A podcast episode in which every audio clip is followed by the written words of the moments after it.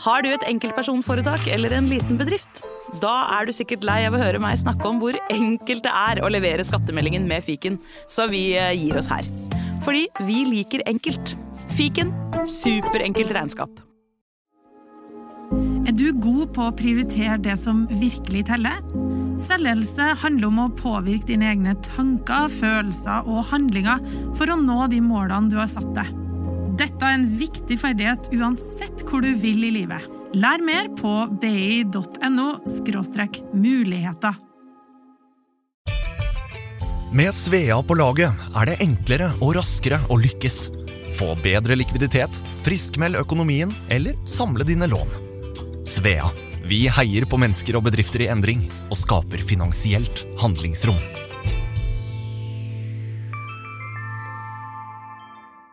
Advarsel. I denne podkasten vil du høre historier basert på informasjon programlederne har funnet selv. Programlederne står ikke nødvendigvis inne for meninger og syn som fremstilles. Noen påstander kan avvike fra virkeligheten.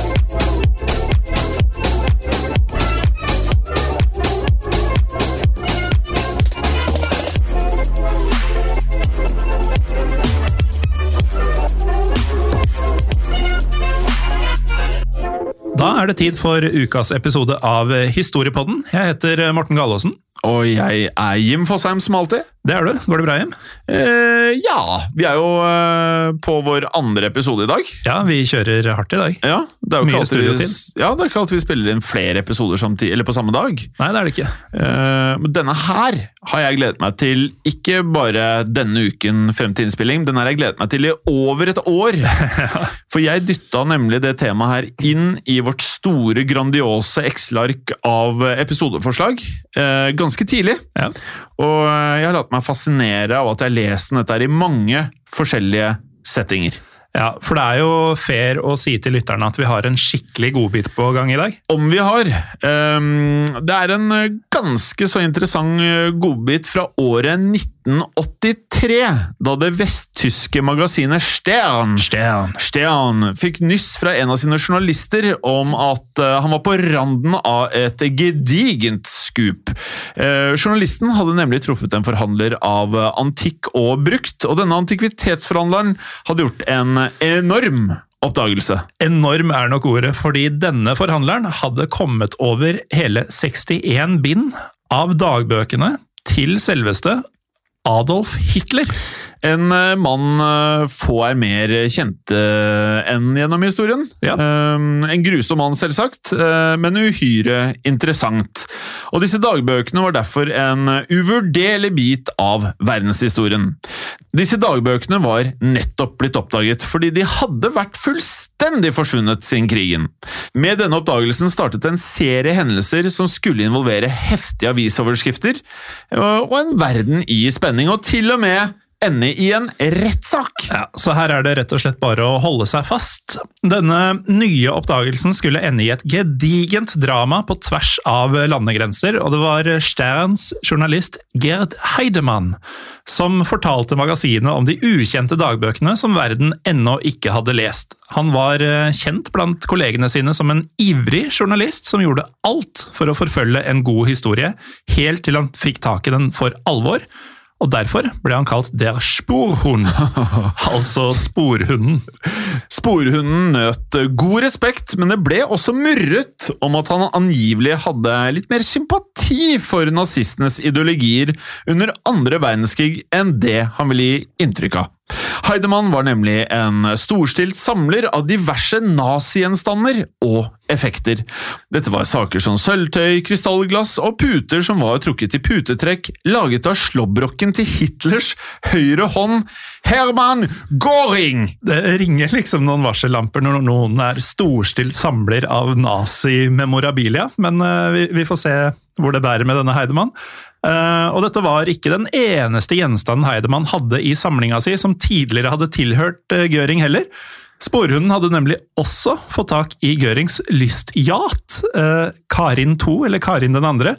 Og dette var journalistens største trofé, men uheldigvis også ufattelig dyrt å holde flytende, og snart satt Heidemann i enorm gjeld. Han så ingen annen utvei enn å selge den, og fikk tidlig i 1980 kontakt med mange andre i nazisamlermiljøet. Og da ringer i hvert fall alarmbjellene. Så absolutt. Etter hvert var det en sørtysk forretningsmann som eh, viste noe interesse, men handelen ble aldri noe av. Men disse to samlerne kom jo i snakk, og forretningsmannen gikk med på å vise Heidemann sin egen samling.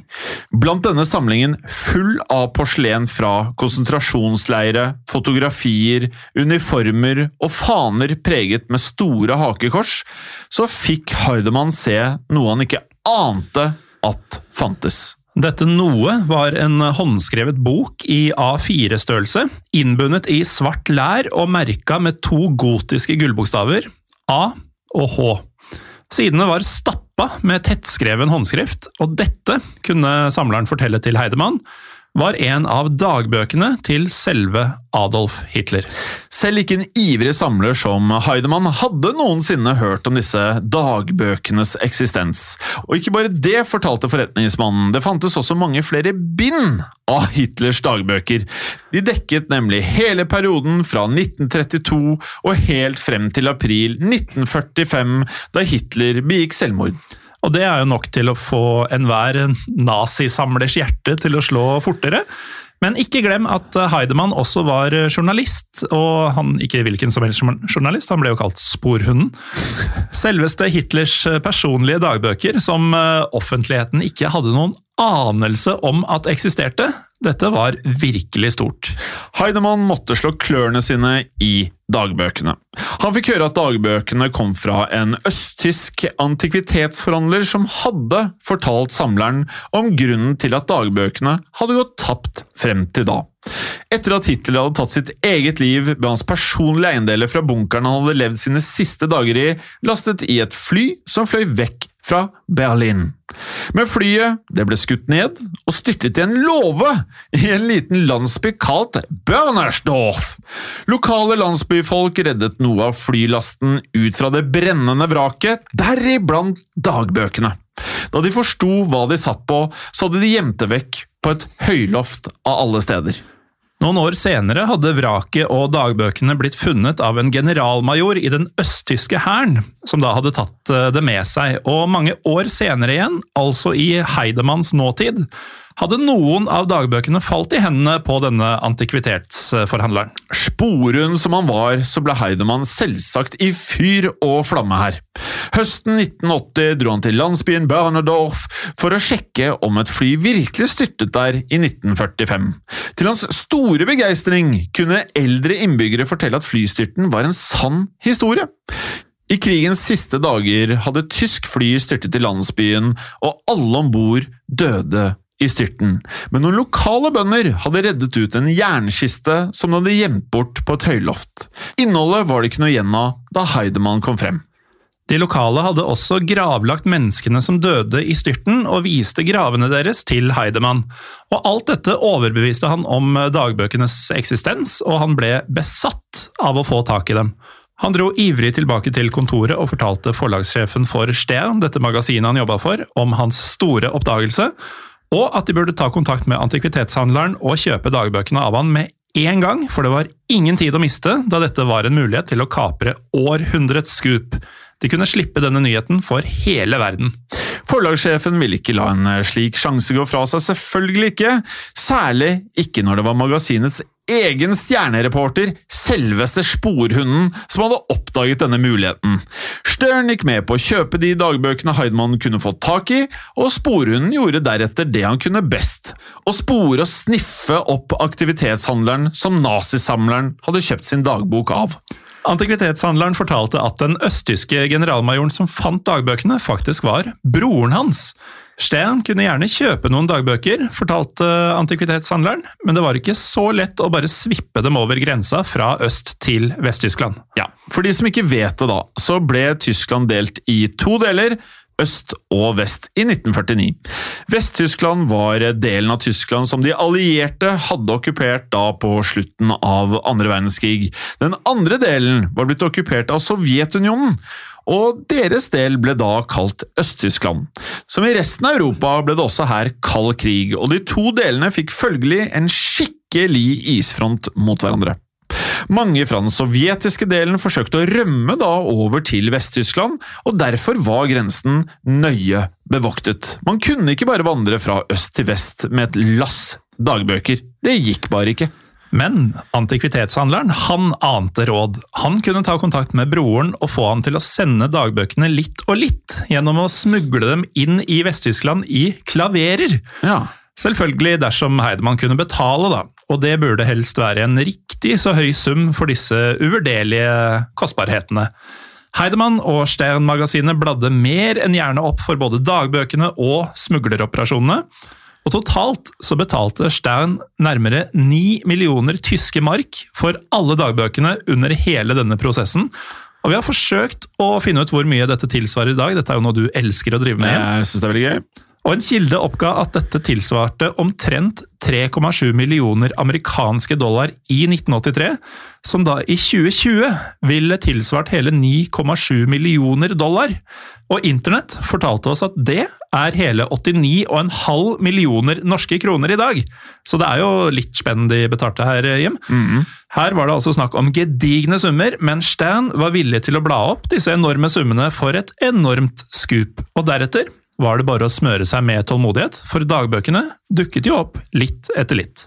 Da Heidemann endelig satt med den første dagboken i hendene noen dager senere, løp han rett inn på forlagssjefens kontor, og der satt de begge og bladde i denne lille skatten. Og iblant leste de høyt av utvalgte dagbokpassasjer.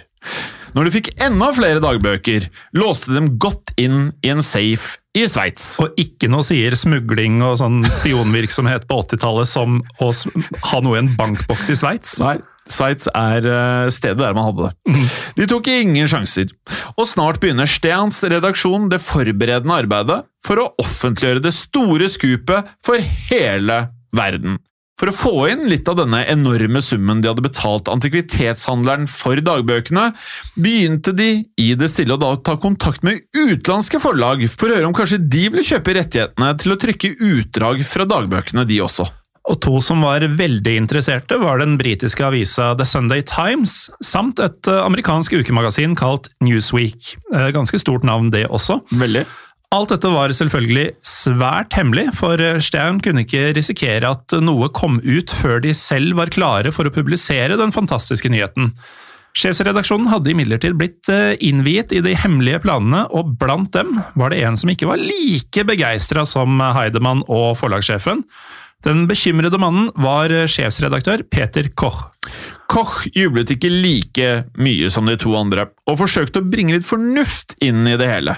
Selv om samlere mente at dagbøkene var ekte, så ville det vært lurt å få en, ja, en ekspertuttalelse først. Det ville også gi nyheten mer tyngde dersom magasinet kunne sitere eksperter som erklærte at dagbøkene var ekte vare. Og det er jo fullt forståelig, for det er jo viktig å være litt skeptisk når man snubler over noe som virker litt for godt til å være sant. Så um, akkurat det gjorde de.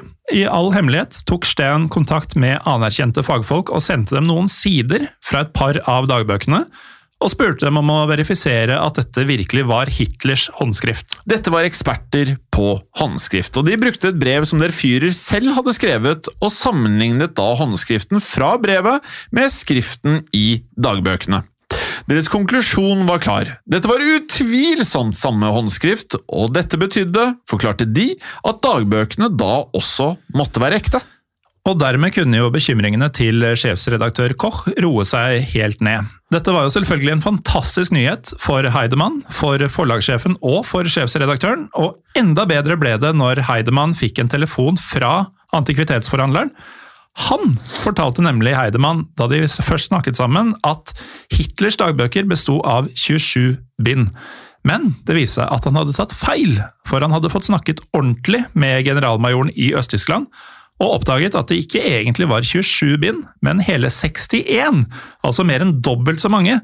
Og broren var villig til å smugle ut disse bindene også, han, så antikvitetshandleren ville gjerne selge alle bindene til Steen, ikke bare 27 av dem. Dersom Stern kunne da betale en solid ekstrasum, selvsagt. Aber natürlich. Aber natürlich! Og det var de selvfølgelig naturlig villige til å betale. Som sagt kom betalingen til antikvitetshandleren totalt opp i 89 millioner kroner. Og det de betalte for de ekstra dagbøkene er medregnet i da denne summen her. Det summet nå i Sterns sjefsredaksjon om hvordan dette virkelig kunne bli århundrets nyhet. Samtidig fikk de en oppringning fra engelske The Sunday Times. De sa at historien ville bli komplett dersom de kunne få en skikkelig kjent Hitler-ekspert til å uttale seg om oppdagelsen, de også. Valget fant på Hugh Trevor Roper, en britisk professor og historiker som var kjent for verket Hitlers siste dager. Og litt faglig tyngde i en artikkel om en ny oppdagelse, det slår jo aldri feil. Stan fløy Trevor Roper helt til Sveits, så han kunne få en eksklusiv kikk på dagbøkene i den hemmelige bankboksen. Og selvfølgelig skulle han også vurdere deres ektehet, så de kunne få med hans dom i artikkelen. Trevor Roper kunne ikke tysk, men da han sto der og bladde gjennom dagbøkene, ble han vilt begeistret. Noe som kan være forståelig, for dette må jo ha fortonet seg som en drøm som hadde blitt i virkelighet for, for Trevor Roper. Altså, Innbindinga, skrifta, det røde seilet på omslaget Han sa at absolutt alt ved disse bøkene virket uh, autentisk, så han skrev denne uttalelsen til uh, artikkelen om dagbøkene i The Sunday Times. Da jeg bladde i disse bøkene og hørte den utrolige beretningen om oppdagelsen, forsvant min tvil gradvis. Jeg er nå overbevist om at dokumentene er ekte. Det er sånne ekspertuttalelser som det som virkelig krydrer en sånn type artikkel. Og snart hadde Stern slått klørne i alle 61 dagbøkene, og mens hele redaksjonen sitret i spenning, kom endelig den store dagen. Den 25. april 1983 var det tid for å offentliggjøre nyheten for hele verden. Da kom Stern med sitt største blad noensinne, på hele 356 sider, i tillegg til et bilag på 48 sider med utdrag fra dagbøkene. Denne ytterst spesielle utgaven av Stern ble trykket i 2,3 millioner eksemplarer, til forskjell fra deres vanlige opplag på bare rundt en, ja, en halv million. På forsiden sto det skrevet med store, fete, røde bokstaver Hitlers dagbøker oppdaget. Og med den dramatiske nyheten og opplaget på nesten fem ganger så mye som de pleide, altså 2,3 millioner magasiner, kan man trygt si at Stern hadde skyhøye forventninger til det hele. Forventningene ble innfridd, for de to millionene ble straks revet vekk, og Stern var klare for å skape historie. I tillegg til å trykke opp ekstra magasiner, kalte også Stern inn til pressekonferanse i Hamburg rett etter magasinets offentliggjørelse.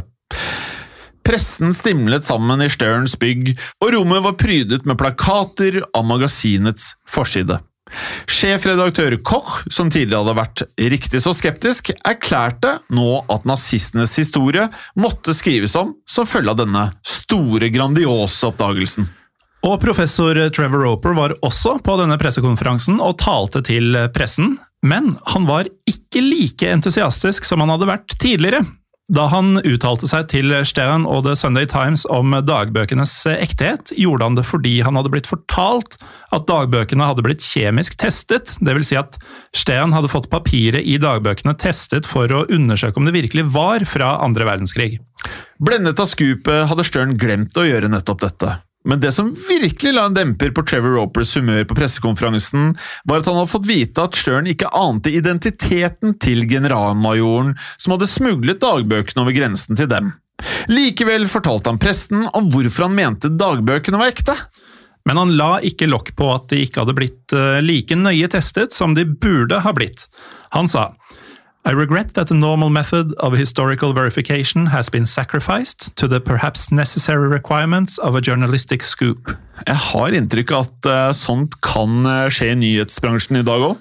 Ja, det, det, har jeg også, for så vidt. Men uh, det var ikke bare journalister til stede på denne pressekonferansen. Det var også en britisk selvlært historiker det høres ut som oss. Ja, vi føler oss som det. ja.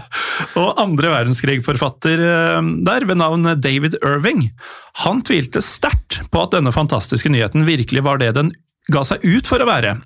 Irving er i disse dager faktisk mest kjent for å være en holocaust-fornekter. eh, Som altså innebærer at han ikke tror på at holocaust skjedde. og må jo bare si at sånne folk gjør meg bare trist og frustrert. Ja, det er veldig frustrerende. Men i 1983 var han mest opptatt av disse dagbøkene.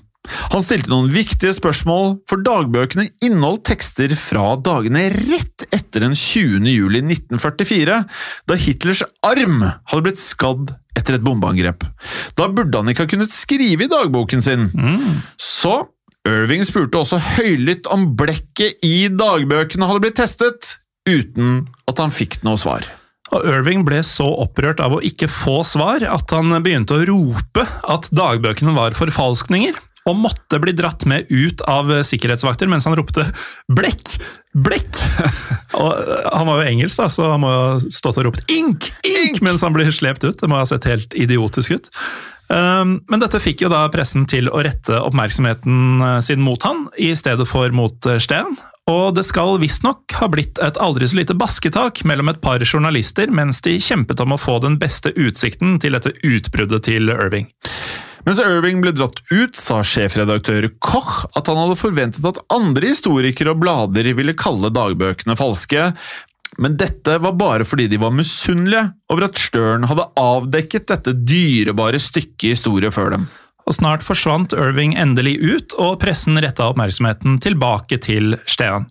De tok ivrig bilde av eh, Heidemann, altså sporhunden vår, der han poserte for kamera i eh, triumfens øyeblikk. Og nok en gang var han Steens eh, stjernereporter, sporhunden som igjen hadde gjort et fantastisk skup. Stern hadde skapt historie. De skapte virkelig historie, for de er jo med i historiepodden av en grunn. Yeah! Men vi skal nå innrømme en sak, og det er at Stern ikke gikk inn i historien av grunnene de hadde håpet på. Nei, det gjorde de ikke, for eh, selv om alt vi har fortalt dere lyttere nå virkelig skjedde, og er en stor del av denne historien, så er det en annen like stor del som vi har holdt litt sånn skjult for dere. Ja. For her er jo den store hemmeligheten som kanskje noen av dere har mistenkt allerede. Hitlers dagbøker, som magasinet Steen hadde fått tak i, de var 100% svindel. De var falske. Hitler førte aldri dagbøker. Bøkene som Stern hadde betalt 9 millioner mark for, altså 89 millioner kroner for, var rene forfalskninger. Og det var godt å endelig kunne avsløre, Jim. Eh, Vi, vi har jo vokta orda våre veldig. Ja, vi har voktet de veldig, Morten. Hele Sterns hemmelighet var basert på en ren løgn. For å finne ut hvordan de kunne bli så grundig lurt, skal vi da skru klokken litt tilbake i tid og fortelle den samme historien igjen. Oi! Jepp, men denne gangen forteller dere da hva som faktisk foregikk bak kulissene. Vi skal selvsagt komme til hva som da skjedde etter Stern publiserte magasinet sitt også.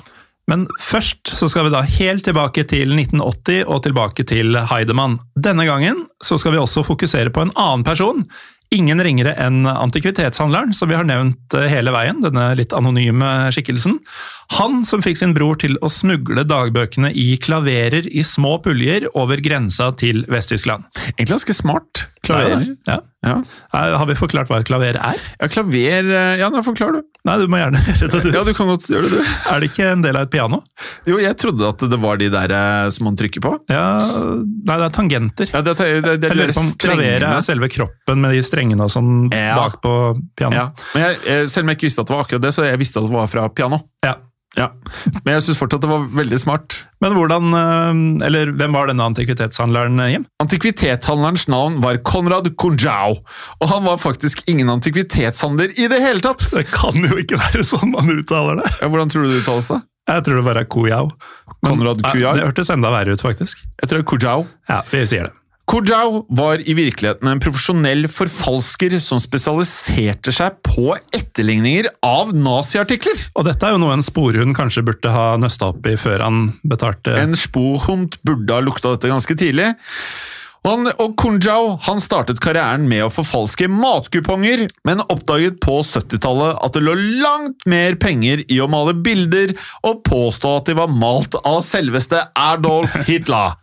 Hitler forsøkte seg jo som kunstner før han gikk til politikken, og derfor var nazisamlere villige til å betale riktig så godt for et maleri som ga seg ut for å være malt av de Führer himself.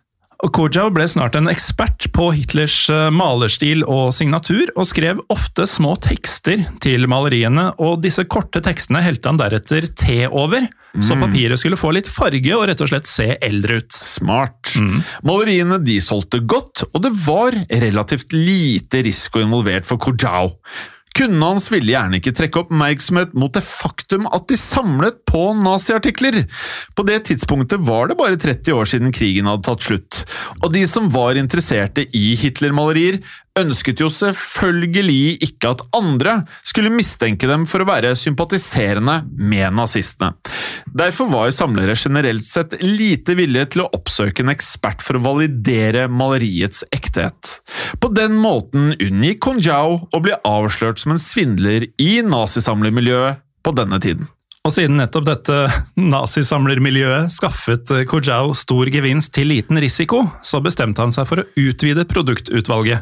Vi har jo allerede skjønt at han var dyktig med, med penselen, og han klarte snart å utvikle en rimelig god etterligning av Hitlers håndskrift også, som eh, historien så langt har eh, vist veldig tydelig.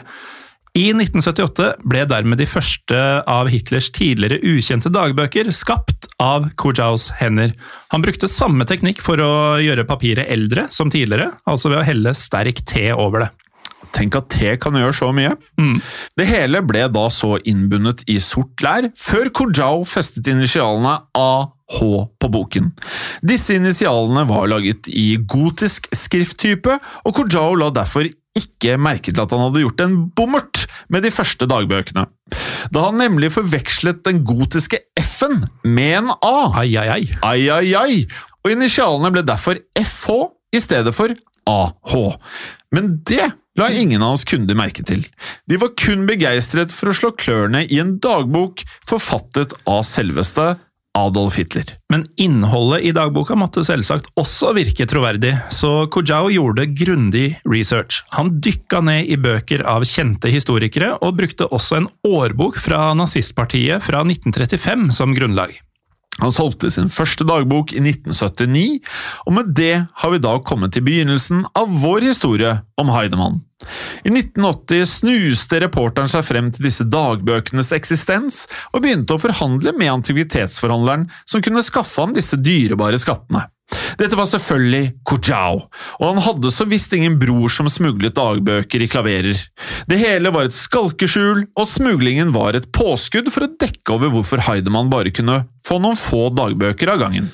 Ja, for Den virkelige grunnen til det var selvsagt at Kojau trengte litt tid på seg for å produsere hver dagbok. Å skrive flere bøker fra Hitlers ståsted, det er jo ikke noe man gjorde på noen få minutter. Det tok ofte mange timer, dager, å lage én eneste dagbok. Men dekkhistorien om smuglede dagbøker gjorde det hele troverdig i Stevens øyne. Kujau klarte å skape LS61 falske dagbøker, og solgte dem til Stern for 9 millioner mark, akkurat som vi har fortalt. Så vet vi jo hvordan det gikk helt frem til publiseringen. The Times, som er søsteravisen til The Sunday Times, hadde noen dager før publiseringen en egen teaser med en uttalelse av professor Trevor Roper. Da redaksjonen i The Sunday Times ringte han opp rett før hovedpubliseringen og hørte om han ville uttale seg i neste ukes avis også, fikk de et uventet svar, for å si det mildt. Ja, for nå hadde Trevor Roper snudd. Han var ikke lenger overbevist om at dagbøkene var ekte. Og dette kom altså før pressekonferansen, og det var derfor han uttrykte sin tvil der også. Men toppsjefene i nyhetsbransjen havnet ikke der de var uten å virkelig satse, så de kjørte på med nyheten likevel. Og akkurat som Steen, så hadde de investert masse penger i denne saken, og de ville ikke stoppe bare fordi professoren hadde begynt å tvile. Drømmen om berømmelse rakk ikke å vare lenge. Raskt etter publiseringen av den store, sensasjonelle nyheten begynte tvilende stemmer av flere og flere eksperter å komme på banen. Skepsisen og mistenksomheten skjøt nå i været. Men Stern hadde jo ett S i ermet. De hadde fått eh, eksperter til å sammenligne dagbøkenes håndskrift med et brev skrevet av Hitler selv. Og de hadde slått fast at dette var samme håndskrift. Ja, Vi vet at dagbøkene egentlig ble skrevet av Kojau, som bare etterlignet Hitlers håndskrift. Men selv veldig gode etterligninger kan avsløres i grundige sammenligninger, og det hadde ikke skjedd her. Vel, akkurat det fins det faktisk en ganske god forklaring på. Ok? Det håndskrevne brevet som ekspertene hadde sammenligna dagbøkene med, det var selvsagt også en forfalskning laget av Kujau. Smart! Så selvfølgelig var de to håndskriftene like, for de var jo skrevet av samme person, bortsett fra at denne personen da ikke var Adolf Hitler, men Kujau. Ja. Det, det er ikke en dum kar vi har i Kujau. Jeg er faktisk råimponert over fyren. Ja. Og Kujau hadde virkelig forfalskninger rundt om i hele nazimiljøet. Ja, men siden flere og flere uttrykte sin skepsis, bestemte Stan å bukke under for presset og sende inn dagbøkene til analyse. Eksperter analyserte blekket og papiret helt ned til detaljnivå, og deres tale var klar. Materialene i dagbøkene var produsert etter krigen, papir hadde blitt dynket i te for å selge ut. Hitler-eksperter som gikk nøye gjennom tekstene, oppdaget også flere passasjer der Hitler refererte til fakta og hendelser som de visste han ikke kunne ha visst om. Kojaus lille feiltagelse av den gotiske F-en og A-en ble selvsagt også oppdaget, og dagbøkene ble viden kjent som en gigantisk svindel. Magasinene som hadde betalt eh, Steen godt for å kunne trykke utdrag av dagbøkene, begynte å kreve pengene tilbake. Alles blikk falt nå på den vanærede Stian. Magasinet på sin side snudde seg mot stjernereporteren deres, Heidemann, som pekte på antikvitethandleren han hadde kjøpt dagbøkene av, altså Kujau. Kojau han forsøkte først å rømme til Østerrike med både kona og elskerinna si. Man kan jo si mye om Kujau, men han virker fargerik. Han er fargerik. Han fortalte kona si at elskerinna bare var renholdshjelperen hans, og dermed fikk hun også være med. Som, det er jo en kuriøs tilleggsopplysning her. Men Kujau ble ikke i Østerrike spesielt lenge. Han skjønte at straffen bare ville bli hardere, og man måtte jaktes på.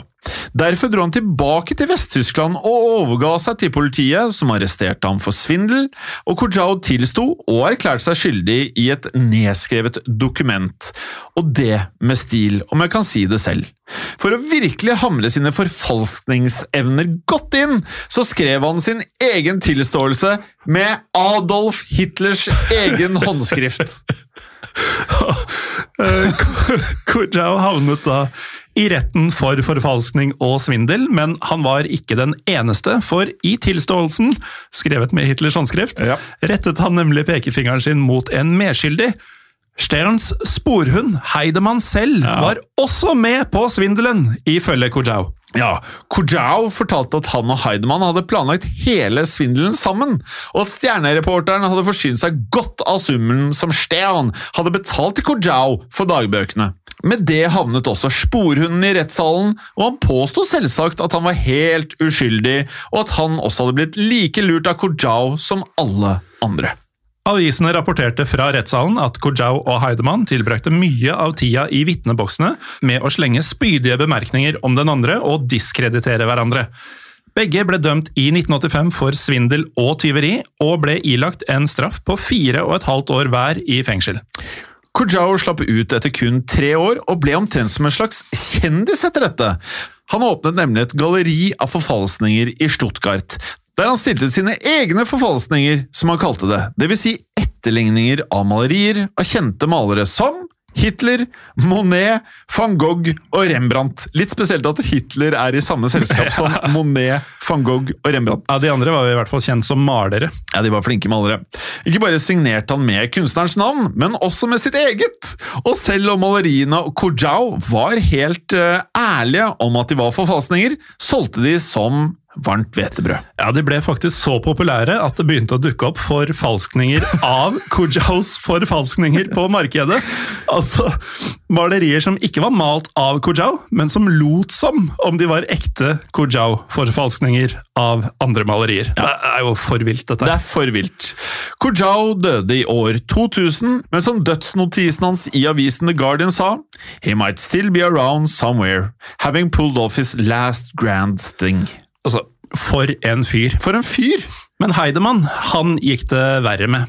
Han ble intervjua i 2008 i en alder av 76, og det viste seg at han fortsatt var bitter og mente han var uskyldig dømt. Stearns redaksjon hadde brukt han som syndebukk, fortalte han, og hans store karriere hadde blitt stjålet vekk fra han. Når det gjelder professor Trevor Roper, så ødela dagbokfiaskoen hans rykte også. Han hadde oppnådd mange akademiske storheter, men ble til slutt bare husket for sin opprinnelige uttalelse om at Hitlers dagbøker var ekte. Det må jo være utrolig bittert, i og med at han tross alt ombestemte seg, men det, det huska da ingen. Og magasinet Steen de måtte sende tilbake alle pengene som utenlandske aviser og magasiner hadde betalt for dagboksaken, Skandalen var et faktum, og i senere tid ga den opphav til en tysk satirefilm kalt Stonkt, Stankt, Stonk fra 1992, som eh, dere kan sjekke ut om dere vil se en eh, humoristisk gjenfortelling av historien om Hitlers falske dagbøker, selv om jeg ikke helt skjønner hva man skal med det når man har denne episoden. Nei, det skjønner ikke jeg heller. Selv om dagbøkene var falske, så har de fortsatt gått inn i historien som et godt eksempel på at nyhetsmediene kanskje ikke bør omgå vitenskapelig testing før de kaster seg over et skup som er for godt til å være sant.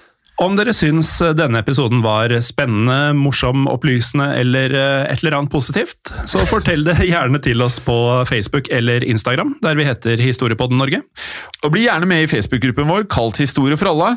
Del så mye dere overhodet ønsker. Vi ønsker høy aktivitet i eh, gruppen, så ikke, ikke ha høy terskel. Ta et uh, bilde dere finner på Instagram eller på Facebook, eller en bok dere har hjemme, uansett hva det måtte være, og del det i Historie for alle! Ja, Det er ingen grunn til å være sjenert i Historie for alle. Ja, Man kan ikke være sjenert der! Nei, man kan ikke det.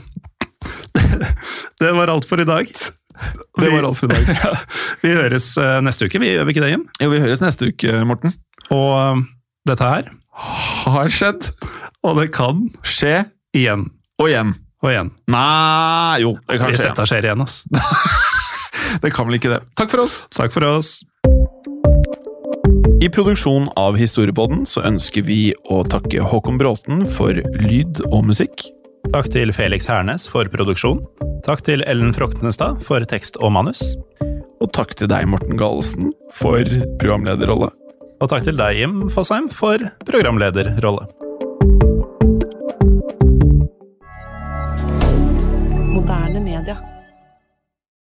Velkommen til Kjemperådet! Vi har fått inn et kjempeproblem her. Jeg leser. Jeg er på ferie med familien. Det er gøy, bortsett fra at jeg har gips på begge beina. Kan ikke bade eller dra noe sted. Jeg føler meg veldig begrenset. Hilsen begrenset far. Begrenset far trenger ubegrensethet. Yes. Ja, Kanskje ubegrenset data fra 399 med familierabatt hos Telenor? Ja, det løser jo alt! Bortsett fra det med badingen, da. Se nye mobilabonnement på telenor.no. Yes! Har du pollenallergi? Apotek 1 har et stort utvalg av allergitabletter, nesesprayer og øyedråper som kan brukes for å forebygge eller dempe plager som nysing, rennende øyne og tett eller rennende nese. Det er viktig å bruke legemidlene hver dag gjennom hele pollensesongen, selv om plagene skulle bli borte enkelte dager med lav spredning. Våre legemiddeleksperter kan hjelpe deg med å finne riktig behandling, slik at du får det best mulig med riktige medisiner. Apotek 1. Vår kunnskap, din trygghet. Hei, du, eh, jeg lurte på hva er egenkapital for deg? Det er jo den kapitalen som eiere sjøl spytter inn i selskapet sitt. Egenkapital, det vet jeg godt, for det er de 15 som jeg må, jeg må ha for å få lån til å kjøpe bolig. For meg er egenkapital de ferdighetene, kunnskapen og den tryggheten som jeg har fått gjennom studiene på BI. Det er jo en egenkapital jeg får bruk for hver eneste dag. Egenkapital handler ikke bare om økonomiske midler, men også verdien av det du har lært deg. På bi.no finner du kurs og programmer som tar deg videre. BI make it your business.